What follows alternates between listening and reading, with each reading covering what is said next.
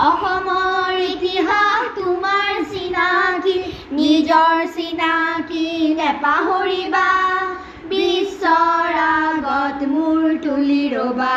শুনা শুনা ভাই অসম বুৰঞ্জী।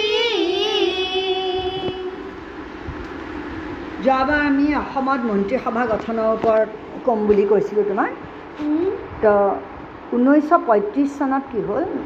যদিও মণ্টেগু চেমছফৰ্ড সংস্কাৰৰ বিৰোধিতা কৰিছিল কিন্তু ঊনৈছশ সাতত্ৰিছ চনত যেতিয়া অসম প্ৰাদেশিক বিধান পৰিষদৰ কাৰণে নিৰ্বাচন পতা হ'ল তেতিয়া কিন্তু কংগ্ৰেছে তাত কি কৰিলে? অংশগ্ৰহণ কৰিলে আৰু প্ৰতিদ্বন্দ্বিতা কৰিলে। কিন্তু প্ৰতিদ্বন্দ্বিতা মানে কেইবাজনো যে উঠে তেতিয়া প্ৰতিদ্বন্দ্বিতা কোনে ভোট বেছি পাব? সেইটো হয়। কম্পিটিশ্যন তাৰমানে প্ৰতিদ্বন্দ্বিতা মানে। এতিয়া কিন্তু ইতিমধ্যে কি হৈছিলে ভাৰতত অন্য অন্য যেনে ৰাজ্যত যেনেকৈ মানে মুছলিমৰ সাম্প্ৰদায়িকতাৰ যিটো মনোভাৱ শিপাইছিলে অসমতো শিপাইছিলে। আৰু সেইকাৰণে অসমত কি হ'ল মুছলমান প্ৰাৰ্থীৰে মুছলিম লীগক বাদ দি কংগ্ৰেছৰ প্ৰাৰ্থী হ'বলৈ আগবাঢ়ি অহা নাছিল। তাৰমানে যিমানবোৰ মুছলিম আছে সকলোৱে মুছলিম লীগতহে মানে দুটা তেতিয়া দুটা পাৰ্টি হ'ল নহয় এটা হৈছে কংগ্ৰেছ আৰু এটা হৈছে মুছলিম লীগ। তো সকলোৱে মুছলমান পাৰ্টি কংগ্ৰেছত যোগ নিদি পেলাই মুছলিম লীগত যোগ দিলে। আৰু মুঠ এশ আঠখন আসনৰ তেত্ৰিছখন আসন কংগ্ৰেছে লাভ কৰি গৰিষ্ঠ সংখ্যক যদিও বেছি হ'ল কিন্তু সংখ্যাগৰিষ্ঠতা পাব লাগিব তাৰমানে। যদি এখন এটা মানে হেৰি এটা মানে চৰকাৰ গঠন কৰিবৰ কাৰণে অকল ইটোতকৈ সিটো বেছি হ'লেই নহ'ব কিমান বেছি হ'ব লাগিব তাৰ এটা অনুপাত দি দিয়ে যে ইমানখিনি বেছি হ'লেহে চৰকাৰে নিজে চৰকাৰখন গঠন কৰিব পাৰিব। বুজি পাইছ? তাৰপিছত এতিয়া তাত কি হ'ল? কংগ্ৰেছে যদিও বেছিকৈ আসন দখল কৰিলে কিন্তু মন্ত্ৰী পৰিষদ গঠন কৰিব পৰাকৈ সংখ্যাগৰিষ্ঠতা লাভ কৰিব নোৱাৰিলে। আৰু সেই সুবিধাতে গভৰ্ণৰ ছাৰ ৰবাৰ্ট ৰিডে মুছলিম লীগ ইউৰোপীয় গোষ্ঠীৰ সদস্যসকল তৰুণৰাম ফুকনৰ নতুন দল ইউনাইটেড পিপুলছ পাৰ্টি আৰু আন কিছুমান জনজাতীয় সদস্যৰ সহযোগত এখন কি কৰিলে? অকংগ্ৰেছী সন্মিলিত মন্ত্ৰীসভা গঠন কৰে। আৰু ইয়াৰ নেতৃত্বত থাকে লীগৰ নেতা সৈয়দ মহম্মদ ছাদুল্লাহ।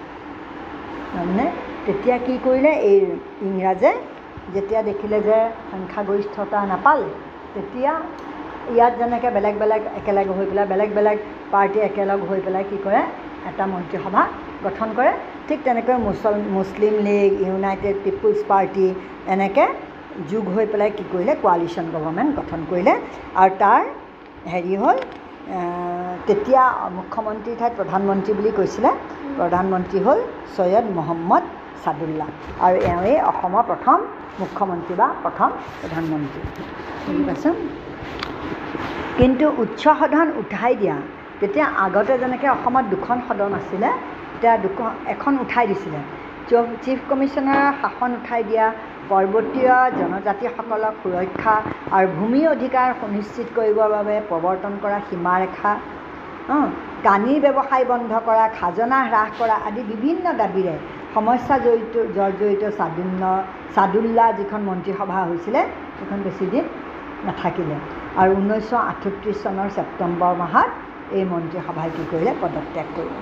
যেতিয়া এই মন্ত্ৰীসভাখন যেতিয়া ভাঙি দিল তেতিয়া ঊনৈছশ আঠত্ৰিছ চনৰ ঊনৈছ ছেপ্টেম্বৰত গোপীনাথ বৰদলৈৰ নেতৃত্বত নিৰ্দলীয় আৰু মুছলিম লীগৰ বাহিৰৰ কিছু সংখ্যক মুছলমান সদস্যক লৈ কংগ্ৰেছে সন্মিলিত মন্ত্ৰীসভা গঠন কৰে। মুছলিম লীগক নল'লে অন্যান্য পাৰ্টীবিলাকৰ মানুহবোৰ লগত লৈ পেলাই কি কৰিলে কংগ্ৰেছে তেতিয়া গোপীনাথ বৰদলৈক প্ৰধানমন্ত্ৰী পাতি পেলাই এখন মন্ত্ৰীসভা গঠন কৰিলে।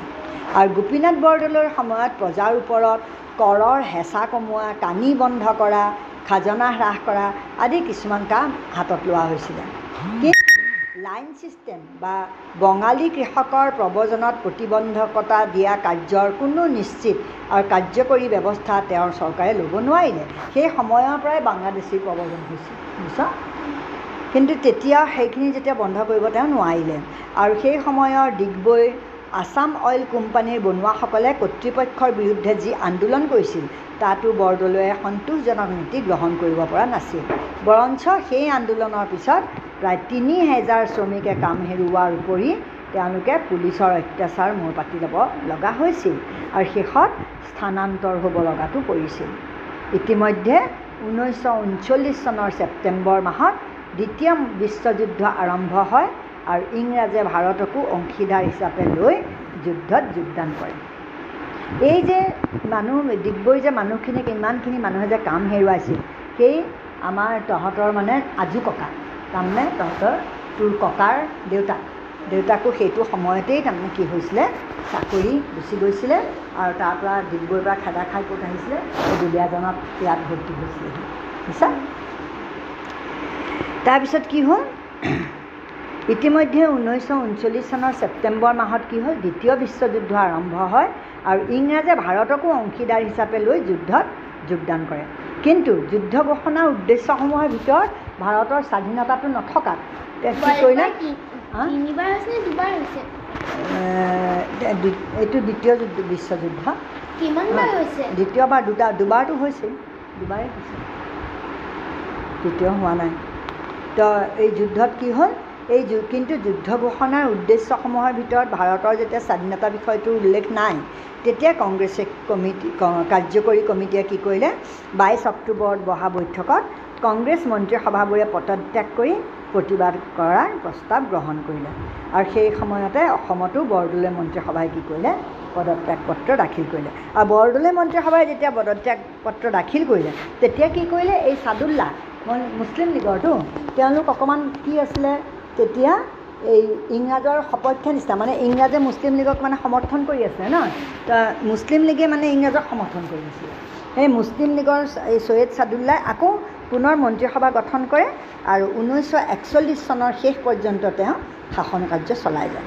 কিন্তু সেই বছৰৰে ডিচেম্বৰ মাহত কটন কলেজৰ ছাত্ৰসকলে বিশ্বযুদ্ধৰ খৰচ যোগাবলৈ কলেজত গৱেষণাগাৰত আয়োজন কৰা বিজ্ঞান প্ৰদৰ্শনী এখনৰ বিৰোধিতা কৰি চলোৱা আন্দোলনত পুলিচে চলোৱা অত্যাচাৰক লৈ ছাত্ৰ তথা ৰাইজৰ মাজত প্ৰবল সমালোচনা হয়। আৰু ইয়াৰ ফলত সেই মাহৰ পঁচিছ তাৰিখে চাদুল্লা মন্ত্ৰীসভাই পদত্যাগ কৰিব লগা হয় একচল্লিছ চনত। আৰু চাদুল্লা মন্ত্ৰীসভাৰ পিছত অসম গৱৰ্ণৰ শাসনৰ অধীনত অসম যেতিয়া মন্ত্ৰীসভা নাইকিয়া হৈ যায় তেতিয়া গৱৰ্ণৰে শাসন কৰে। বুজিছেনে মানে ৰাজ্যবিলাকত। আৰু ৰাষ্ট্ৰত যদি তেনেকুৱা হয় মন্ত্ৰীসভা নাইকিয়া হৈ যায় তেতিয়া কোনে কৰে? ৰাষ্ট্ৰপতিয়ে শাসন কৰে। এতিয়া দ্বিতীয় বিশ্বযুদ্ধ আৰু অসমত কি হ'ল? বিয়াল্লিছ প্ৰতিটোৰ গণ আন্দোলন। এইটো এটা ডাঙৰ আন্দোলন হৈছিলে। যে ঊনৈছশ ঊনচল্লিছ চনৰ ছেপ্টেম্বৰ মাহত দ্বিতীয় বিশ্বযুদ্ধ আৰম্ভ হ'ল আৰু ভাৰতীয় জনগণৰ কোনো মতামত নোলোৱাকৈ ইংৰাজ চৰকাৰে ভাৰতকো নিজৰ লগত সাঙুৰি যুদ্ধত যোগ দিয়ালে। আৰু সেই সময়ত কংগ্ৰেছৰ নেতৃস্থানীয় লোকসকলে ফেচিবাদীসকলৰ আক্ৰমণত ইংলেণ্ডে আক্ৰমণ আক্ৰান্ত হোৱাটো নিবিচাৰিছিল যদিও সেই যুদ্ধৰ উদ্দেশ্য কি? ইয়াৰ অন্তৰালত ভাৰতৰ স্বাধীনতাৰ প্ৰ- প্ৰশ্নটো আছেনে নাই? আদি বিষয়ৰ ওপৰত পৰিষ্কাৰ উত্তৰ নোপোৱাকৈ যুদ্ধত ভাৰতে অংশ লোৱাটো কংগ্ৰেছে বিচৰা নাছিল। আৰু তেওঁলোকে বিচাৰিছিল যে যদিহে বিশ্বত গণতন্ত্ৰ ৰক্ষাৰ বাবেই এই যুদ্ধ আৰম্ভ হৈছে তেতিয়াহ'লে যুদ্ধত ভাৰতৰ অংশগ্ৰহণত কংগ্ৰেছৰ আপত্তি নাই। কিন্তু তাৰ আগতে ভাৰত নিজেই এখন গণতান্ত্ৰিক স্বাধীন ৰাষ্ট্ৰ হ'ব লাগিব। তেতিয়াহে ভাৰত হিচাপে যোগ দিব তাৰমানে। কিন্তু ই এখন সুকীয়া ৰাষ্ট্ৰ হিচাপে যুদ্ধত যোগ দিব পাৰিব। কিন্তু এনেকৈ ইংৰাজৰ অধীনত যুদ্ধত যোগ নিদিয়ে। বুজি পাইছা? কিন্তু ইংৰাজৰ তেতিয়া সেইবোৰ কথা চিন্তা কৰিবলৈ সময় নাছিল। কাৰণ জাৰ্মানী আৰু জাপানে যুদ্ধ ক্ষেত্ৰত লাভ কৰা অগ্ৰগতিৰ মাত্ৰা দেখি তাৰমানে জাৰ্মানী আৰু জাপানে চব ৰাজ্যবোৰ যুদ্ধ জয় কৰি আনিছিলে। তথা ইংলেণ্ডৰ থৰ কাছুতেহে আছিল তাকে দেখি পেলাই। গতিকে যুদ্ধত জয়লাভ কৰি ভাৰতীয় সাম্ৰাজ্য ৰক্ষা কৰিবলৈ হ'লে ভাৰতীয় জনগণৰ অকুণ্ঠ সমৰ্থন আৰু সহযোগ যে অনিবাৰ্য আছিল তাক চৰকাৰে উপলব্ধি কৰিছিল। আৰু তেনে পৰিস্থিতিত ভাৰতীয়সকলক আশ্বস্ত কৰিবৰ কাৰণে চৰকাৰে ঘোষণা কৰিলে যে যুদ্ধৰ পিছত ভাৰতৰ বাবে এখন সংবিধান তৈয়াৰ কৰা হ'ব আৰু তৎকালীনভাৱে এখন যুদ্ধ পৰিষদ গঠন কৰা হ'ব। আৰু কেন্দ্ৰীয় কাৰ্যনিৰ্বাহক পৰিষদৰ সম্প্ৰসাৰণ ঘটোৱা হ'ব। এতিয়া ঊনৈছশ চল্লিছ চনৰ আগষ্ট মাহত এই প্ৰস্তাৱসমূহ চৰকাৰে ঘোষণা কৰে বাবে ইয়াক আগষ্ট প্ৰস্তাৱ আগষ্ট প্ৰস্তাৱ বুলি কয় এইবিলাক। চৰকাৰৰ এই ঘোষণাৰ অন্তৰালত যে কোনো পৰিৱৰ্তনৰ সূচনা আছিল তাক নেহেৰু গান্ধী আজাদ আদি নেতাসকলে নুবুজাকৈ থকা নাছিল। কিন্তু নেহেৰু আৰু বিশেষকৈ গান্ধীয়ে সেই সময়ত ব্ৰিটিছ সাম্ৰাজ্যৰ অধঃপতন নিবিচাৰিছিল। বহুতো সমালোচকৰ মতে তেওঁলোকে কেৱল চৰকাৰ গঠন কৰিবলৈ আৰু ৰাজনৈতিক ক্ষমতা পাবলৈহে বিচাৰিছিলে। বুজি পাইছা? সেইটো সময়ত এতিয়া আৰু সাম্ৰাজ্যবাদৰ ধ্বংস হোৱাটো তেওঁলোকে বিচৰা নাছিলে। তাৰমানে ইংৰাজসকলৰ ধ্বংস হোৱাটো তেতিয়া সেইটো কথা মানে মনলৈ অহাই নাছিলে যে ইংৰাজসকল ইয়াৰ পৰা গুচি যাব লাগে। যি কি নহওক গান্ধীয়ে কিন্তু কিছু ৰাজনৈতিক ক্ষমতা লাভ কৰাৰ আশাৰে আন্দোলনৰ কাৰ্যসূচী সম্পূৰ্ণ বন্ধ কৰি নিদিলে। তেওঁলোকে অলপ অলপকৈ চলাই আছিলে। সেই বচা বচা দুই এজন কংগ্ৰেছী নেতাক লৈ গাইগুটীয়াভাৱে সীমিত আকাৰৰ সত্যাগ্ৰহ কৰি আন্দোলন চলাই থকাটোকে স্থিৰ কৰিলে। কাৰণ এটা বৃহৎ আন্দোলনেৰে ব্ৰিটিছৰ তেনে সংকট অৱস্থাত তেওঁ চৰকাৰক ব্যতিব্যস্ত কৰিবও নিবিচাৰিছিল। গান্ধীৰ এই ক্ষুদ্ৰ গণ্ডিৰ ভিতৰত আৰম্ভ কৰা সত্যাগ্ৰহৰ প্ৰথম আন্দোলনকাৰী আছিল আচাৰ্য বিনোৱা ভাৱে তেওঁ সীমিত সত্যাগ্ৰহ ঊনৈছশ চল্লিছ চনৰ অক্টোবৰৰ পৰা ঊনৈছশ একচল্লিছ চনৰ ডিচেম্বৰলৈকে চলি আছিল ইতিমধ্যে পলেণ্ড হলেণ্ড নৰৱে' ফ্ৰান্স আদি ৰাষ্ট্ৰসমূহ জয় কৰি ঊনৈছশ একচল্লিছ চনৰ জুন মাহত জাৰ্মানীয়ে ছোভিয়েট ৰাছিয়া আক্ৰমণ কৰিলে। মানে আহি আছে আৰু যুদ্ধ কৰি হা? এতিয়া আৰু জাপানেও জাপানেও সেইফালে যুদ্ধ জয় কৰিছে। পাৰ্ল হাৰ্বাৰত বোমা ফুটুৱাই প্ৰশান্ত মহাসাগৰীয় অঞ্চলসমূহ অধিকাৰ কৰি ল'লে। আৰু চীন আৰু ব্ৰহ্মদেশত বিজয়ী হৈ ক্ৰমে ভাৰত সীমান্তৰ ফালে আগবাঢ়ি আহিল। এই জাপানে আগবাঢ়ি আহিল। ইয়াৰ ইফালে ঊনৈছশ ঊনচল্লিছ চনৰ কংগ্ৰেছৰ সভাপতি নিৰ্বাচিত হোৱাৰ পিছতেই নেতাজী সুভাষ চন্দ্ৰ বসুৱে সভাপতি পদ ত্যাগ কৰি ফৰৱাৰ্ড ব্লক নামৰ সংগঠন এটা তৈয়াৰ কৰি লৈছিলে। তেওঁ এটা বেলেগ সংগঠন তৈয়াৰ কৰিলে। তেওঁ কংগ্ৰেছৰ পৰা ওলাই দিলে। বুজি পাইছা? তেওঁ মানে তেওঁ হিংসাৰ যোগেদি কৰিব বিচাৰিছিলতো। ঊনৈছশ একচল্লিছ চনত জাৰ্মানীয়ে ছভিয়েট ৰাছিয়া আক্ৰমণ কৰাত আৰু সেইবাবেই ছভিয়েট ৰাছিয়াই মিত্ৰশক্তিৰ লগত যোগ দিয়াত সেই দেশৰ ওপৰত থকা আস্থা হেৰুৱাই সুভাষ চন্দ্ৰ বসুৱে একমাত্ৰ জাৰ্মানীৰ সহায়তহে ভাৰতৰ স্বাধীনতা সম্ভৱ হ'ব বুলি ভাবি মনে মনে সেই দেশলৈ যায় আৰু তাৰ পৰা জাপান পায়গৈ। আৰু সেই সময়ত মালয় অধিকাৰ কৰি জাপানীসকলে প্ৰায় ষাঠি হেজাৰ ভাৰতীয় সৈন্য বন্দী কৰি ৰাখিছিল। তেতিয়ালৈকে ভাৰতৰ লগত তেওঁ তেওঁলোকৰ বন্ধুত্ব নাছিলে গতিকে জাপানী যিবিলাক সৈন্য আছিলে বন্দী কৰি থৈ দিছিলে। আৰু এই বন্দী সৈন্য কাৰণে এই এইখিনি ইংৰাজৰ হৈ যুদ্ধ কৰি আছিলতো এই বন্দী সৈন্য আৰু দক্ষিণ পূব এছিয়াবাসী ভাৰতীয়সকলৰ সমৰ্থন লৈ মোহন সিং নামৰ এজন কেপ্টেইনৰ তত্বাৱধানত জাপানীসকলে এটা ভাৰতীয় বাহিনী গঠন কৰিবলৈ যোজা কৰিছিল।